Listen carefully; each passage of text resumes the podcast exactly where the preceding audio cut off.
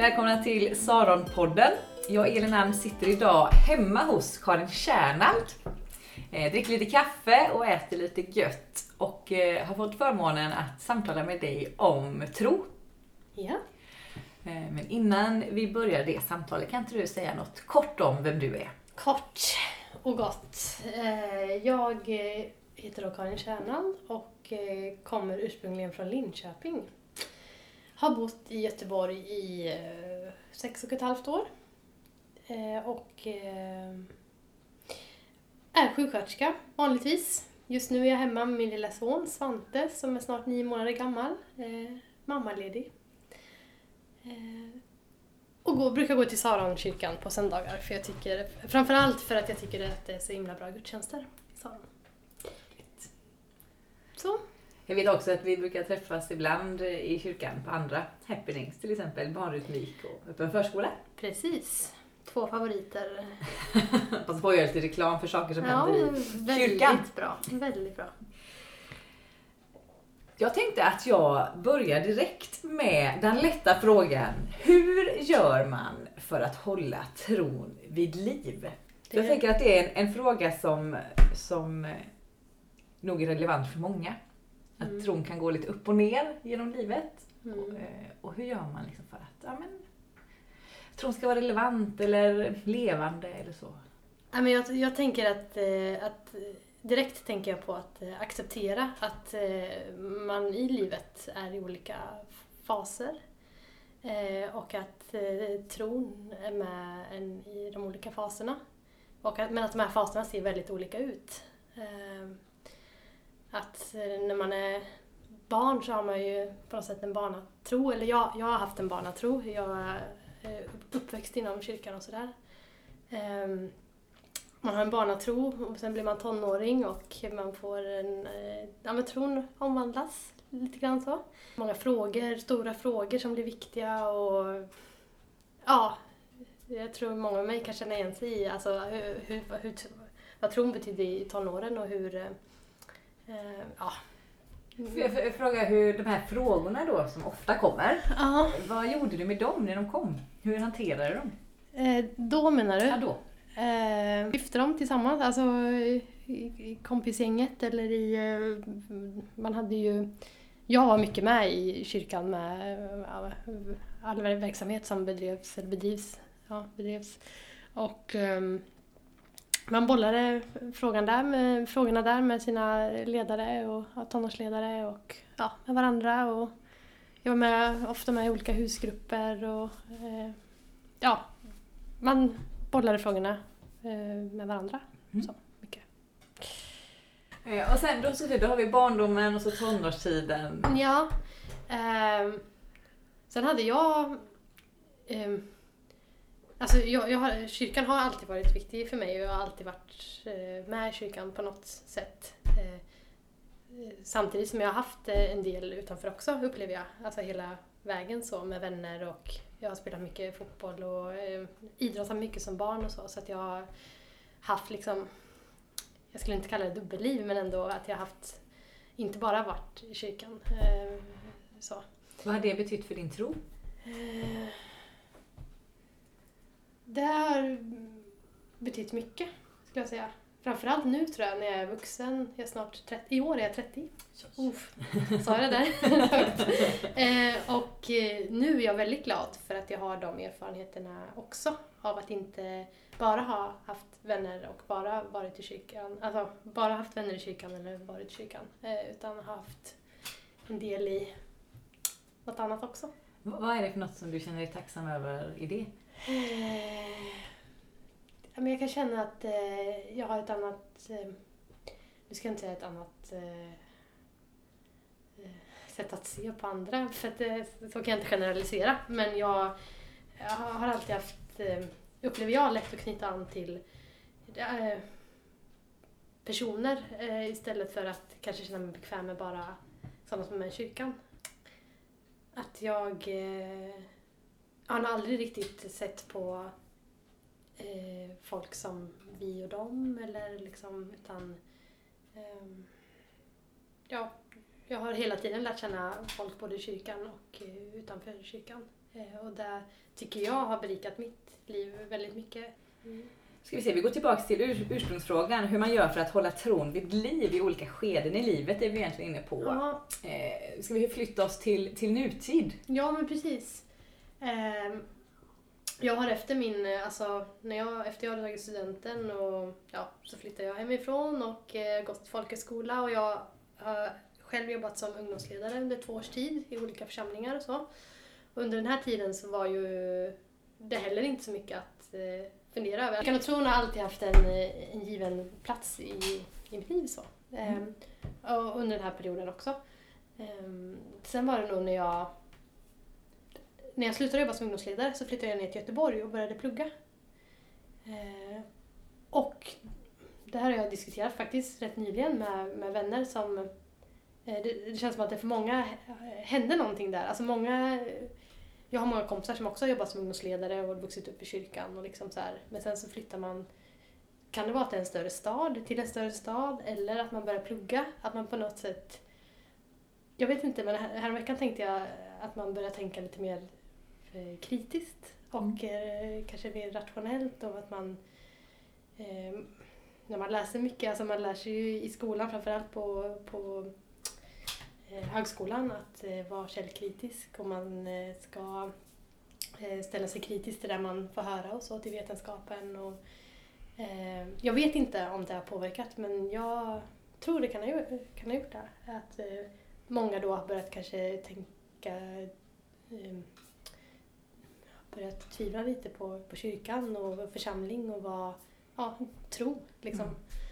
Ehm, och så lite även jag, jag började fundera liksom på församling, vad, vad är församling och liksom, vad är kyrka och eh, vad spelar det för roll i mitt liv eh, och så. Vad Eh. gjorde du med de funderingarna för att komma vidare och inte bara strunta i det eller gå åt ett annat håll? Det jag gjorde då, det, eller vad kan vi säga att, eh, att jag har lite dig tror jag att tacka för att jag eh, fortfarande eh, fortsatte att gå till kyrkan så. Att du började jobba i Betlehemskyrkan när jag flyttade ner till Göteborg. Och du direkt frågade mig där om jag ville vara med och jobba kring, din, kring dig i din tjänst. Mm. Och eh, jag kände att eh, absolut, det vill jag ju. Jag vill, vara med. jag vill ju vara med i kyrkan och eh, i en församling och vara med och eh, försöka förändra och förbättra och ja, finnas med. Ja, jag valde att fortsätta gå till kyrkan och sådär. Men jag vet att jag många gånger under de åren där funderade på liksom mitt arv och liksom att mm, liksom, jag har vuxit upp i kyrkan, vad, vad har det här gjort med mig och mina vänner och liksom så här. Ehm, och brottades en hel del med liksom, ja, vad är kyrkan, vad är församling så. Eh, men det jag skulle säga då för att eh, eh, till slut väva ihop det på något sätt att eh, jag lärde mig nog att acceptera att eh, man är i olika faser i livet och att eh, eh man, ja, jag fick nog lära mig att acceptera att eh, tron eh, ser ut på olika sätt i olika faser av livet. Och att eh, jag har alltid haft med mig tron i, mina olika faser. Eh, och, eh, ehm, ja, och den har omvandlats. Frågor som var jätteviktiga för mig i tonåren är inte lika viktiga för mig nu. Eh, men jag känner att tron är med mig eh, lika mycket som den egentligen alltid har varit. Så. Tron, ja. Och nu när du eh, har ett, ett litet barn hemma, är det en ny fas eh, i din tro då eller är det ingen större skillnad? Eller hur, hur tänker du där? Det kan vara olika. Ja. Eh, jo, det ska man nog kunna se som en ny fas. Eh, nu är min son bara nio månader, men jag kan ändå känna liksom det här... Eh, eh, ett, ett, ett nytt typ av behov, eller liksom eh, hur kyrkan kan vara viktig för mig och för min familj på ett annat sätt än vad den var tidigare. Eh, jag tror jag har lagt ner lite min så här kritiska, om man nu får säga det så, kritiska blick. Eh, kri, ja, och eh, känt att alltså, kyrkan har ändå varit jätteviktig för mig under hela mitt liv och eh, eh, jag vill ju att han ska min son då ska få med sig det från start också. Att kyrkan är en plats där man eh, får eh, eh, ha roligt och få träffa kompisar och liksom få göra roliga saker och få lära känna Gud. Det är viktigt för mig att jag öppnar upp den möjligheten för min son. Mm. Och då har jag känt att jag vill vara i kyrkan. Min man känner likadant. Och att jag tror man blir lite ödmjuk inför eh, faktumet att man är i en fas nu där man kanske inte har jättemycket energi till övers och eh, behöver några människor omkring sig som är i samma livssituation. Så kan vi känna. Mm. Och där blir kyrkan en given plats för oss. Mm. Mm, Så. Jag vet inte om det går att svara på den här frågan som jag sitter och lurar på nu, men jag ställer den ändå. Skulle du kunna eh, beskriva vad tron betyder för dig just nu, där du finns i livet? Ja, men jag, den frågan knyter nog an lite till det jag sa nyss, här, att man känner att man har blivit förälder. Eh, och det har varit eh, en otrolig omställning att bli förälder, Mm. om man nu fortsätter att prata om det. Och eh, de första månaderna som förälder eh, har ju varit väldigt omtumlande, Mm. upplever jag. För mig blev det, man reagerar på olika sätt när man får barn. Om jag nu får liksom prata om den tiden. Varsågod. Eh, för mig och även för min man vet jag, jag kan säga det här, eh, att eh, det blev väldigt stort, alltså rent existentiellt och så. Och när vi fick vår son så upplevde vi direkt att eh, eh, oh, vilket eh, ansvar vi har fått. Och både jag och min man eh, är lite oroliga av oss, eller så, ängsliga, och kände oss eh, wow, hur ska vi fixa det här? Eh, så. Ah, och då vet jag att vi kände det, alltså första, första veckorna, första månaderna tror jag, bara vi liksom, det vi kunde göra var att sitta och be de kvällar eller nätter som var jobbiga och Mm. bara eh, visa tacksamhet för att vi inte var ensamma i det här utan bara ah, Dels såklart det stora i sig att bara få ett barn, vilket mirakel det är liksom. Eh, att man kom till den insikten där och då att eh, vad har hänt liksom? Eh, Gud, eh, ja, eh, det är ja, så häftigt att få ha varit med om detta. Och, eh, men också den här liksom bara oron och ängslan att få lägga den hos Gud. Och vilken trygghet det var för oss att eh, få vända oss till Gud. Eh, är fortfarande såklart eh, eh, så. Eh, Men speciellt de första månaderna så. Innan man hann landa lite i den nya livssituationen. Eh, så jag skulle säga att eh, jag nog har en ganska avslappnad eh, relation till min tro just nu. Jag känner, jag har den i ryggen eh, och är väldigt tacksam för det. Och eh, eh, Ja, så den betyder ju eh, såklart allt. Det hade varit jättetufft. eh, Det har varit tufft ändå men fixa de här första månaderna tror jag utan att eh, ha min tro i, i ryggen. Så. Mm. Eh, Är det lite svar på din fråga? Absolut. Absolut. Eh, Jo, och det, jag kan nämna det bara för att jag vet inte om, jo det var på församlingsdagen, vi var ju, fick ju vara med på den, eller vi var med på den ute på Nimbus. Mm. Eh, och då hade ni lite TED Talks tror jag det kallas va? Precis, Ja, det kallas det. Ja, kortare. det var i augusti, vi var ute på Öckerö församlingen. Ja, lite Mm. kortare föredrag så. Mm. Och då tror jag det var Magnus faktiskt som pratade om församling, eller om eh, Gemenskap, gemenskap kanske det var. skulle kunna tänka mig det. Mm. Jag kanske minns fel nu, men jag tror att det var han som nämnde det här. Eller om det var Lennart Törn. Ja, jag vet inte. Men Han pratade om bön. de, han pratade om bön. Jo, men det, det, det var Lennart Törn tror jag som Ja. pratade om det här. Att, eh, eh, att, att vi, vi som är lite äldre kanske, eller bör tänka på våra yngre eh, som eh, f- våra yngre i församlingen med, med barn eller så. Att det kan vara en tid där man själv pausar bönelivet och lite alltså av ehm, eh, för att man har eh, fullt upp och Mm. eh, inte så mycket energi över och att vi då får hjälpas åt att bära fram dem i bön. Eh, Så det tycker jag var så fin, eh, eh, fint det han sa.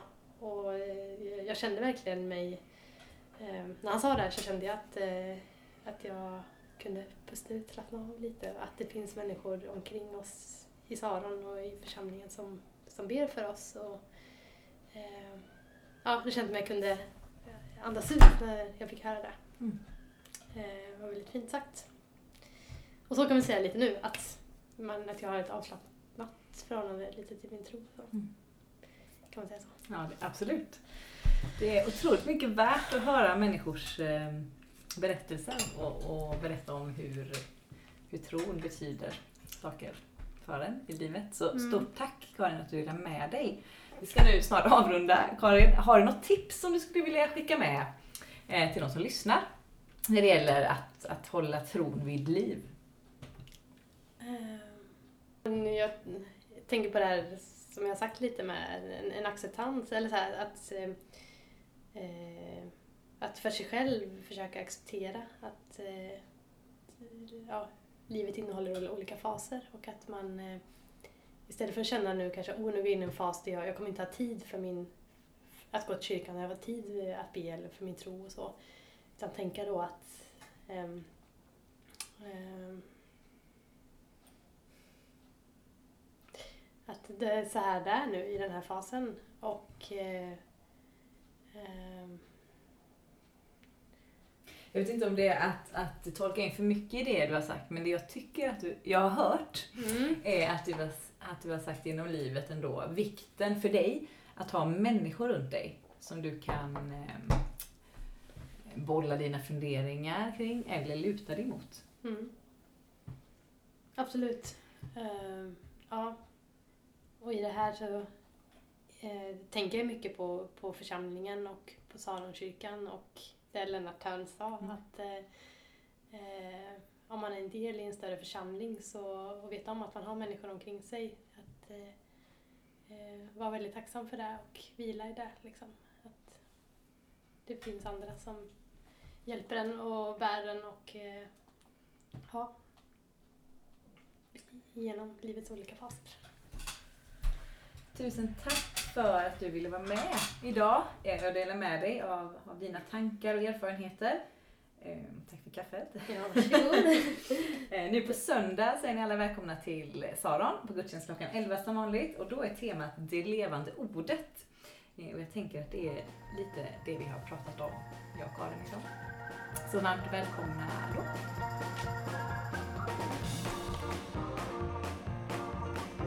Saronpodden produceras av Saronkyrkan i Göteborg.